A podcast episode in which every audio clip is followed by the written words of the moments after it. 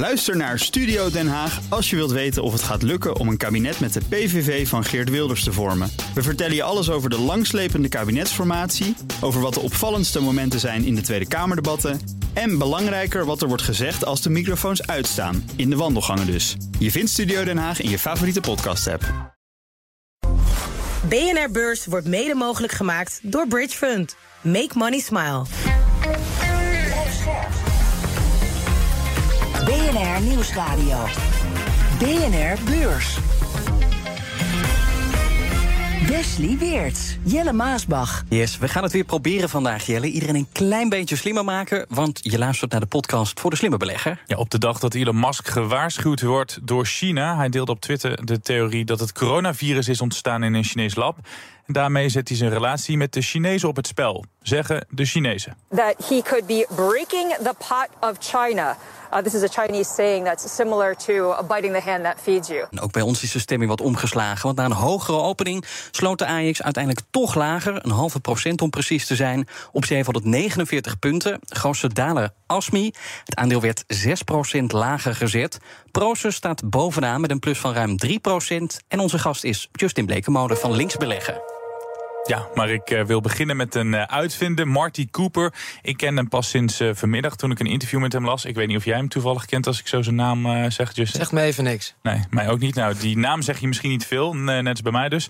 Maar wat hij 50 jaar geleden heeft uitgevonden wel, dat is namelijk de mobiele telefoon. Hij leidde in de, de jaren 70 een onderzoeksteam bij Motorola.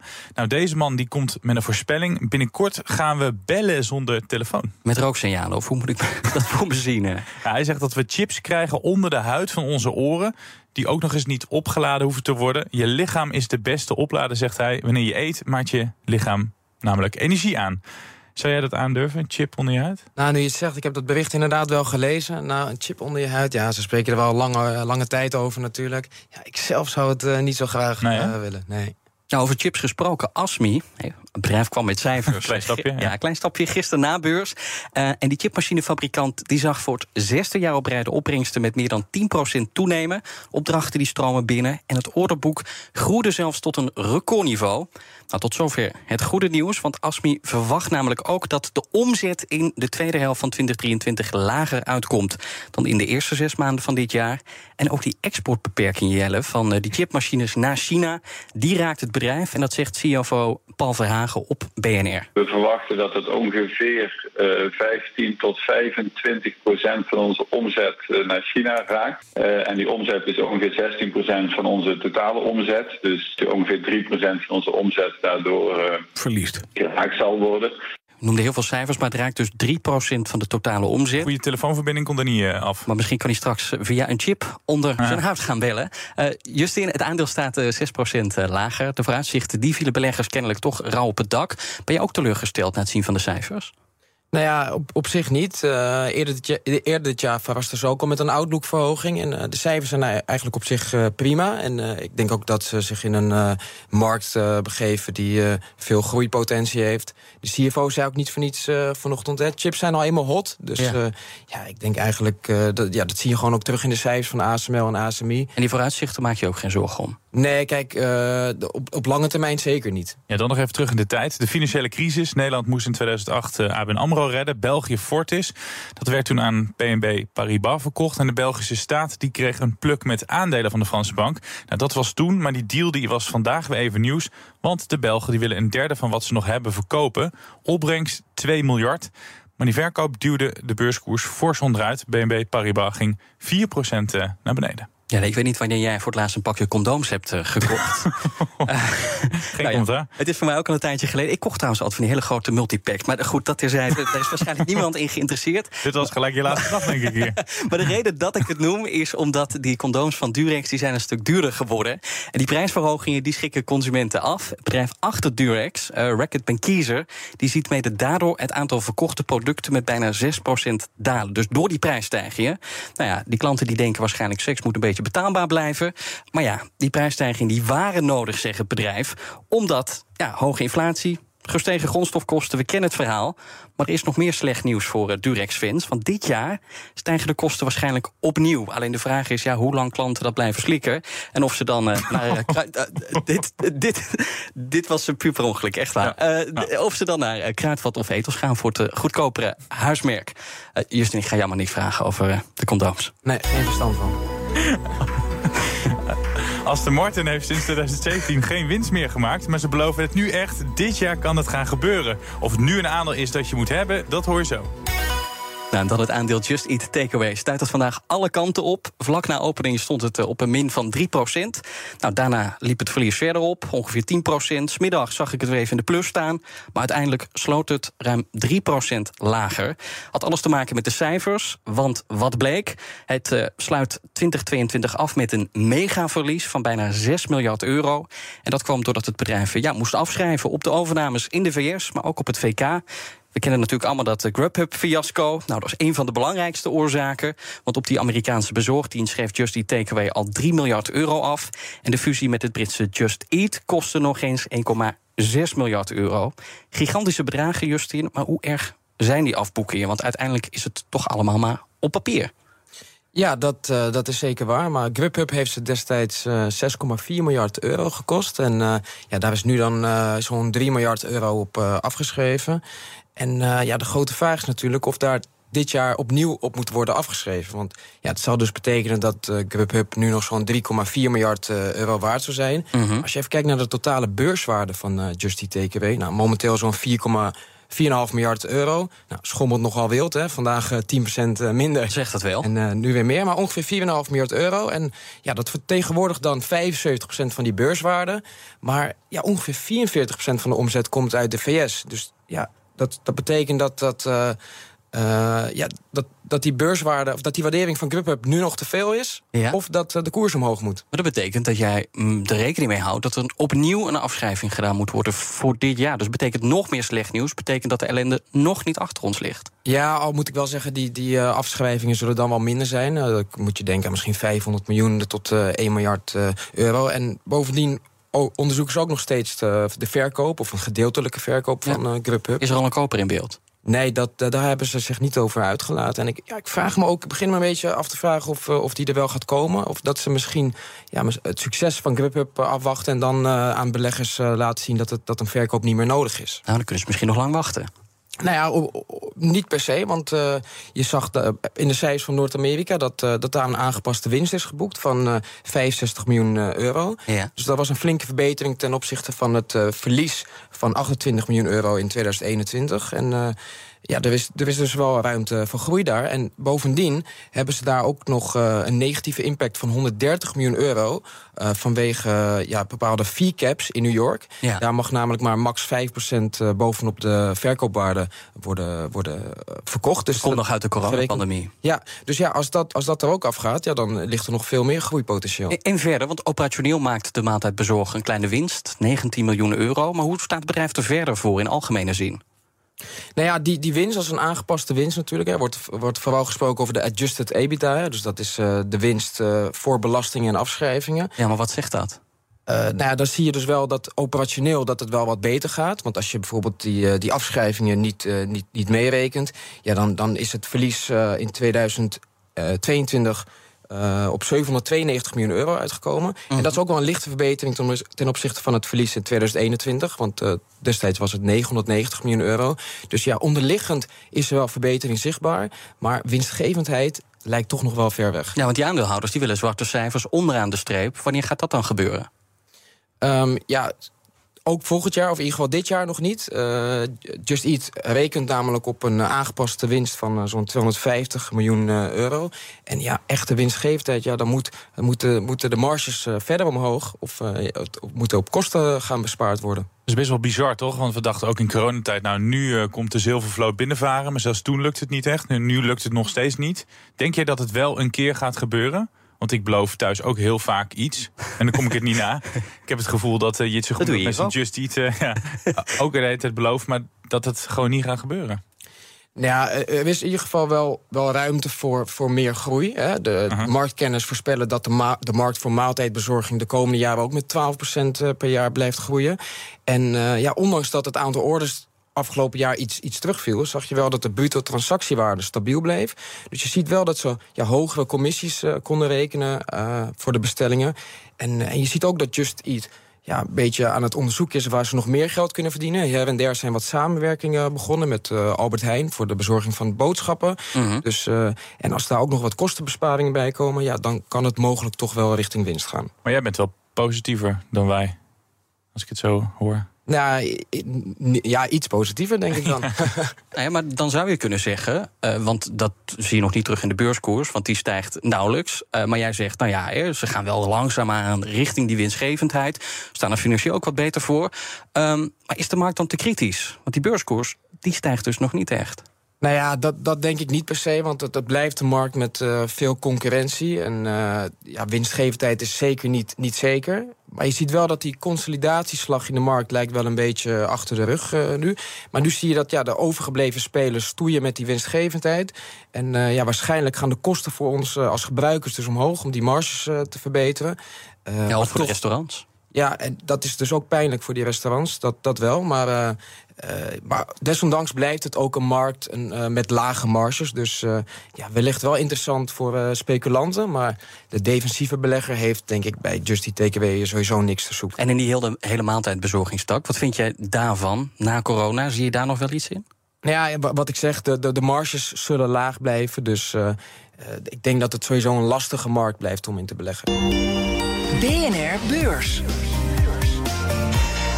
En laten we even kijken wat er gebeurt op de Amerikaanse beurs. De Dow Jones wint twee tiende van een procent. De S&P 500 staat een tiende van een procent eh, lager.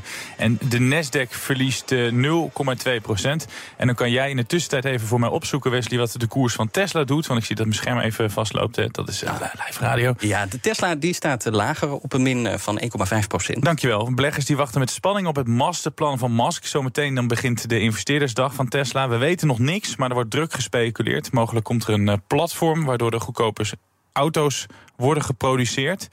Ehm nou, aandeel naar beneden. Helemaal aan het begin van de uitzending had ik het ook over dat China hem waarschuwde dat hij eh, nou ja, geen kritiek mocht hebben. Daar kwam het een beetje op neer.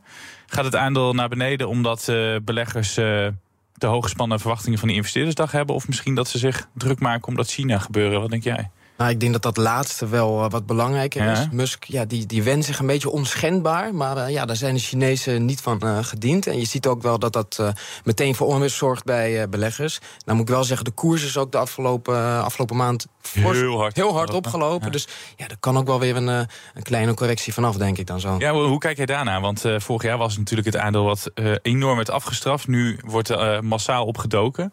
Wat vind jij van die, van die ommekeer? Nou ja, ik ben op de lange termijn ben ik op zich eh, best wel positief over Tesla. De, de, de marges eh, die blijven nog steeds veel hoger dan, eh, dan die van de concurrenten. En ik, ja, ik zie toch wel eh, toekomst in bijvoorbeeld eh, dat autonome rijden. En, en daar zijn ze heel erg ver mee. Ja, Ehm, en die investeerdersdag, we gaan het daar eh, ongetwijfeld morgen ook uitgebreid over hebben, Wes. Ja, absoluut. Ehm, we weten nog niet zoveel daarvan, maar denk je dat hij met, met een of ander gek plan komt? Nou ja, marktkenners ja, voorspellen eigenlijk dat, die, eh, met, dat er een goedkoper model aangekondigd gaat worden. Zodat eh, Tesla ook betaalbaar wordt voor de, voor de gewone consument. En zelf denk ik ook dat er misschien wel iets wordt gezegd over de zonnepanelen-divisie. Omdat je toch wel ziet dat Musk steeds vaker heeft over de toekomst van de aarde en schone energie. Volgens mij is dat ook de titel van de dag van vandaag. Iets met eh, Sustainable Energy for the Ja. Future. Dus eh, ja, wellicht dat we daar ook iets eh, over te horen Het is krijgen. wel een goeie dat je dat eh, te sprake brengt. Want we zouden het bijna vergeten. Een aantal jaren terug verkocht hij dat bedrijf van zijn neef, was dat volgens mij. Dat, eh, dat eh, bedrijf eh, kocht hij toen op met die zonnepanelen. Want hij wilde toen alles in één. Dus hij wilde en zonnepanelen en de auto's en, en noem het maar op. Hoor je hem niet zo heel vaak over. Dus misschien dat daar dan nog wat spannends in zit. Nee, ja, werd wel genoemd eh, gewoon in, tijdens de kwartaalpresentatie. Is wel een eh, divisie die hard groeit. Maar inderdaad, eh, de, de focus van de media ligt daar zeker niet op. Het is meer, wordt eigenlijk steeds naar, die, naar die auto's gekeken. Natuurlijk de belangrijkste divisie ook momenteel nog voor Tesla. Maar Musk zelf ziet, ziet er veel meer in. Die denkt ook aan verzekeringen verkopen voor die Tesla. En uiteindelijk dat er een heel ecosysteem ontstaat rondom het merk Tesla. Ja, over Tesla gesproken. Die concurrent Rivian gaat meer dan 10% naar beneden. Ja, 17 procent zelfs. 17, ja. Ja, meer dan, uh, dan 10 procent was er nog wat uh, Voorzichtig ingezet. Hij kwam met de cijfers minder verlies, maar uh, de omzet viel tegen. Wordt wel goed hard afgestraft dan, hè? Ja, dat is pijnlijk. BNR Beurs. Het aandeel Aston Martin uh, deed het beter uh, vandaag. Ging door het dak en dat ondanks het jaarverlies dat het bekend maakte. Maar het is de belofte voor dit jaar dat beleggers door het dolle zijn. Want dit jaar wordt er mogelijk winst gemaakt, zegt het bedrijf. De topman somt even bescheiden op wat er allemaal goed gaat bij zijn bedrijf. The future is fantastic. The cars are coming. Uh, our order books never been stronger. The fundamentals of the business are extremely strong zou ook wel fijn zijn, een jaarwinst moet ik zeggen. Want het is voor, voor Aston Martin een zeldzaamheid. Er was niet uh, alleen sprake van een verlies in 2022. Dat gebeurde ook in 2021, 2020, 2019 en 2018. En de laatste keer dat we over een heel jaar zwarte cijfers zagen... was in 2017. Het gebeurde toch een keer. Het gebeurde toch een keer. Denk jij dat ze winst kunnen maken dit jaar... na al die mooie dingen die de CEO net uh, opnoemt? Nou, de, de, de CEO was inderdaad merkwaardig positief. We moeten niet vergeten, dat is een, uh, is een Canadese miljardair... die het bedrijf in 2020 heeft uh, overgenomen. Dus... Uh, ja, ik, ik, ik vraag het me af, maar ze hebben in ieder geval wel heel veel ja, kapitaal achter zich nu ook. Er zijn zelfs investeringen gekomen vanuit uh, Saoedi-Arabië. Dus het lijkt echt een beetje een prestigeproject te worden. Ja. Ze gaan echt inzetten op ultra luxe. En uh, ja, voor dit jaar voorspellen ze dan inderdaad uh, winstgevendheid. En dat hopen ze te behalen door middel van hogere formules, uh, volumes en verbeterende marges. En ja, op zich, het ordeboek zit propvol. Ze hebben ook nog een, een nieuwe SUV onthuld. Ja. En ook de vraag daarna schijnt enorm te zijn. Dus. Die is zo mooi, dat is mijn mening. Maar dan snap ik niet dat zo'n luxemerk geen winst kan maken. Want anderen lukt het toch ook? Klopt, en uh, dat is ook wel merkwaardig. Maar dat is wel... Uh, ja, Aston Martin bestaat al zo'n 110 jaar... en is ook vaak van eigenaar uh, gewisseld. -huh. Maar ik denk dat het vooral vaak het gebrek is aan, aan cash. Als je kijkt bijvoorbeeld naar andere luxe automerken... zoals bijvoorbeeld Ferrari... hebben altijd een grotere naam achter zich. Zij bijvoorbeeld... Ferrari is onderdeel van Fiat. -huh. Bentley en Lamborghini zijn onderdeel, vallen onder Volkswagen. -huh. En ja, de Aston Martin is op zichzelf staand. En ik denk dat het dan toch lastiger is uh, om uh, op te boksen tegen de grote ah, ja, Dus dan als je dan zo'n grote autobouwer achter je hebt, inderdaad, zo'n uh, zo'n eigenaar met, met, met de kennis. Want het is misschien niet alleen het geld, maar ook de kennis waar ze natuurlijk uh, een beroep op, uh, op kunnen doen. Zeker, en dat, dat is daarom ook wel uh, positief. Want buiten het feit dat die Canadese miljardair een belang heeft genomen, heeft ook Mercedes sinds dit jaar een belang van 20%. Dus dat kan mogelijk in het voordeel gaan werken van Aston Martin. Dat kan ze goed helpen, want de beurskoers is sinds de beursgang met 95% gekelderd. Ik zag het vanmiddag, ja, ik schrok er ook een beetje ja. van. Ik, ik had dat aandeel nog niet zo vaak bekeken. Nee, ik, ik, ik volg het wel altijd, maar ik was even vergeten hoe hard het naar beneden was gegaan. Dus Wesley zei, weet je al dat het met 95% is gekelderd. Nou, uh, bij deze weet iedereen het. Uh, ja, om, een beetje, hij was nog enthousiaster dan die CEO. Hij wilde dit zo graag vertellen, dit, uh, dit verhaal. Ja, ik, dus vind dat... het, ik vind het een mooi bedrijf. Maar dat komt natuurlijk ook. We kennen Aston Martin natuurlijk vanuit de James Bond films. Ik ben ja. groot fan. DB5 zat in de films. Hebben ze iemand nodig die ze kan redden? Jij zegt, nou ja, fijn dat Mercedes een belang erin heeft genomen... of een andere grote autobouwer. Maar hebben ze niet iets anders nodig? en dan bedoel ik dus niet een James Bond film... maar is er niet iets anders wat ze kan redden... wat ze populairder kan maken? Nou ja, uh, mogelijk gaan ze ook inspelen de komende jaren op uh, elektrische auto's. Dus als ze daar een hele snelle wagen weten te maken die elektrisch is... mogelijk dat dat werkt. Volgens mij willen ze ook iets gaan doen met ja, zeg maar race, hè, Formule 1... maar dan voor elektrische wagens. Hm. Dus mogelijk kan dat Aston Martins populairder maken. Want als je bijvoorbeeld vergelijkt met de Ferrari... Ja, die, die auto's zijn natuurlijk ontzettend populair door ja. de Formule 1. En het aandeel van Ferrari doet het ook vrij aardig. Ja, klopt. Is ook het afgelopen paar jaar stevig opgelopen. Ja, dan uh, slecht nieuws voor de Europese Centrale Bank. De Duitse inflatie is hoger dan verwacht. Die bleef in februari gelijk op 8,7 procent. Terwijl economen uitgingen van 8,5 procent. Eerder steeg al de inflatie in Spanje en Frankrijk. En dat levert de ECB kopzorgen op, zegt econoom Bert Colijn tegen BNR. De landen beslaan een gigantisch deel van de economie van de eurozone. Dus dat het daar onverwachts niet goed gaat, is geen goed nieuws. Als je hier naar kijkt, dan is dit toch een eerste indicator dat men in Frankfurt zich toch een beetje zorgen moet maken. Um, nou goed, ze hadden daar absoluut nog niet het zijn brandmeester gegeven. Maar dit geeft denk ik zeker een gevoel dat dat uh, terecht is. Ja, en zegt Colijn, ik denk dat ik nu opnieuw naar mijn ramingen van de inflatiecijfers van dit jaar moet gaan kijken. Hij moet opnieuw gaan rekenen. Hij heeft uh, ja, huiswerk. Ja, die inflatie is hardnekkig. De ECB weet niet waarom die niet naar beneden gaat. Dus ik kan hem ook aan jou stellen. Misschien uh, dat jij wel het antwoord hebt. Maar waarom wil die maar niet naar, naar beneden? Nou ja, ik heb het al vaak gezegd. Hè, de, de inflatie in de, eurozone, in de eurozone blijft in eerste instantie hoog vanwege het jaar-op-jaar effect. Het, eh, het, eh, het, inflatiecijfer wordt berekend aan de hand van een mandje aan goederen, het CPI-index, de Consumentenprijsindex. En die is pas echt hard omhoog gaan vanaf maart 2022. Dus ik verwacht eigenlijk dat de inflatie vanaf maart een stuk sneller omlaag gaat. En uh, verder zien we ook wel dat de afgelopen maanden vooral de voedselprijzen verder op zijn gelopen. Dus, uh, en daar komen dan ook nog waarschijnlijk de loonsverhogingen van januari bovenop. En uh, daar de, daarmee vrees ik wel dat de eurozone een beetje in zo'n loonprijsspiraal terecht is gekomen. Oh, toch maar, wel? Maar, maar toch denk ik wel dat die inflatie vanaf maart en zeker vanaf juni uh, sneller gaat afnemen. Maar dat heeft dan vooral met die vergelijkingsbasis te maken. Klopt, ja, de prijzen zullen hoog blijven. Alleen uh, jaar op jaar uh, zal er niet veel stijging meer in zitten. En dan zal dus de head, headline-inflatie, zoals we die kennen, die zal dan wel afnemen. Ja. Nou, Justin, jij bent niet echt verrast, maar die analisten wel. Want die hadden dus met een lagere inflatie rekening gehouden. Gaat dit nog gevolgen hebben voor het ECB-beleid? Want die zijn ook natuurlijk gefocust op die inflatie. Ja, Wat doet ja, dat met ja. dat beleid? Nee, zeker. De ECB moet zeker nog een, uh, een tandje bijzetten. En uh, nou, recent hebben we ook sterke economische data gezien vanuit de VS. En ook daar viel de inflatie minder hard terug dan verwacht. En uh, ja, dat heeft ook echt wel de verwachtingen voor dat beleid wel weer een beetje op de, op de schop gegooid. Want als je kijkt naar waar de markt rekening mee houdt, nou, een maand geleden.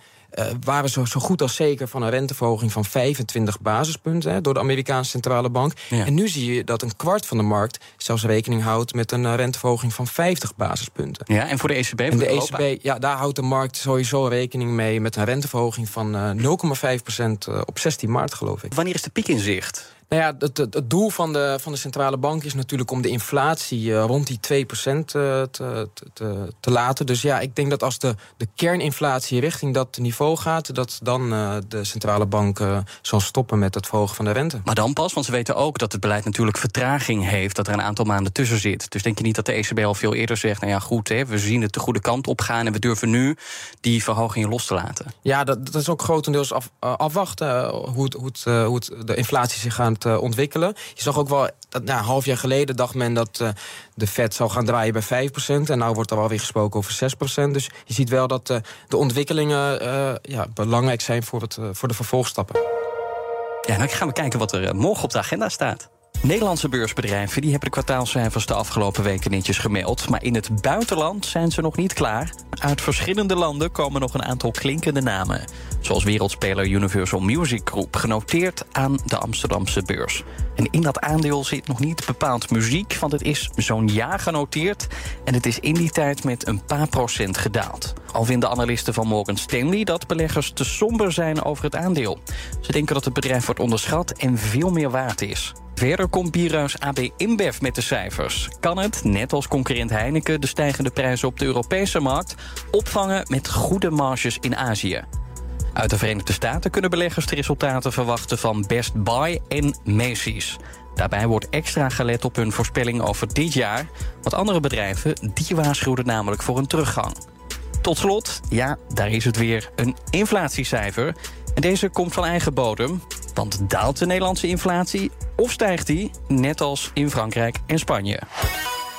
Justin Bleekmode van Links Beleggen, goed dat je er was. En uh, ja, laten we even sorry zeggen voor dat uh, gehinnik uh, aan het begin de, van de aflevering, hè? Onze puberhumor. Ja, maar ja, dat moet ook, af en toe. Ja. Morgen doen we het weer serieus. We sluiten deze aflevering in ieder geval af met een tip. En die komt uit het boekje van Corné van Zijl. En daarbij gaan we even terug in de tijd. De afgelopen 25 jaar was de beurs 80% van de tijd te duur. Tot morgen. Tot morgen.